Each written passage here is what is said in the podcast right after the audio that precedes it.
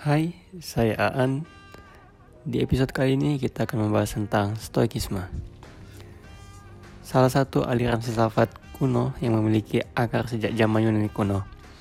Stoik terkenal seperti Epictetus, Seneca, dan Marcus Aurelius yang merupakan contoh tokoh-tokoh yang telah memberikan sumbangsi besar dalam perkembangan aliran ini.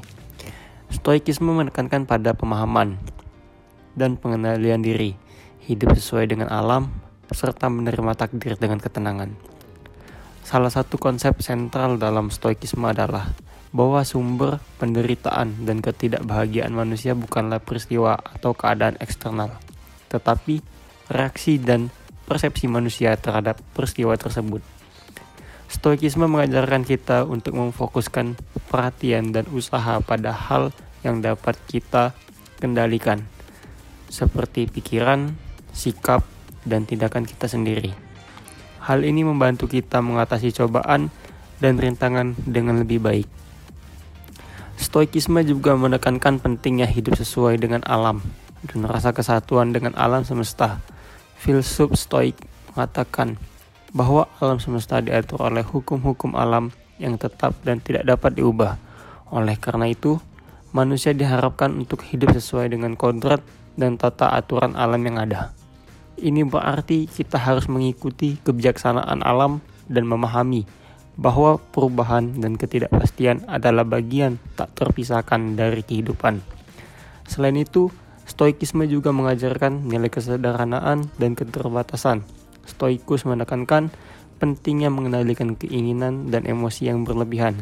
Mereka menganggap bahwa keinginan yang tidak terkendali dan kecenderungan untuk mengikuti kesenangan materi hanya akan menghasilkan ketidakpuasan dan penderitaan.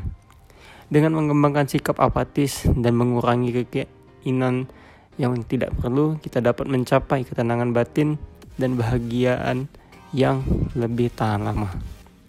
Satu lagi, aspek yang penting dalam stoikisme adalah konsep menerima takdir dengan ketenangan.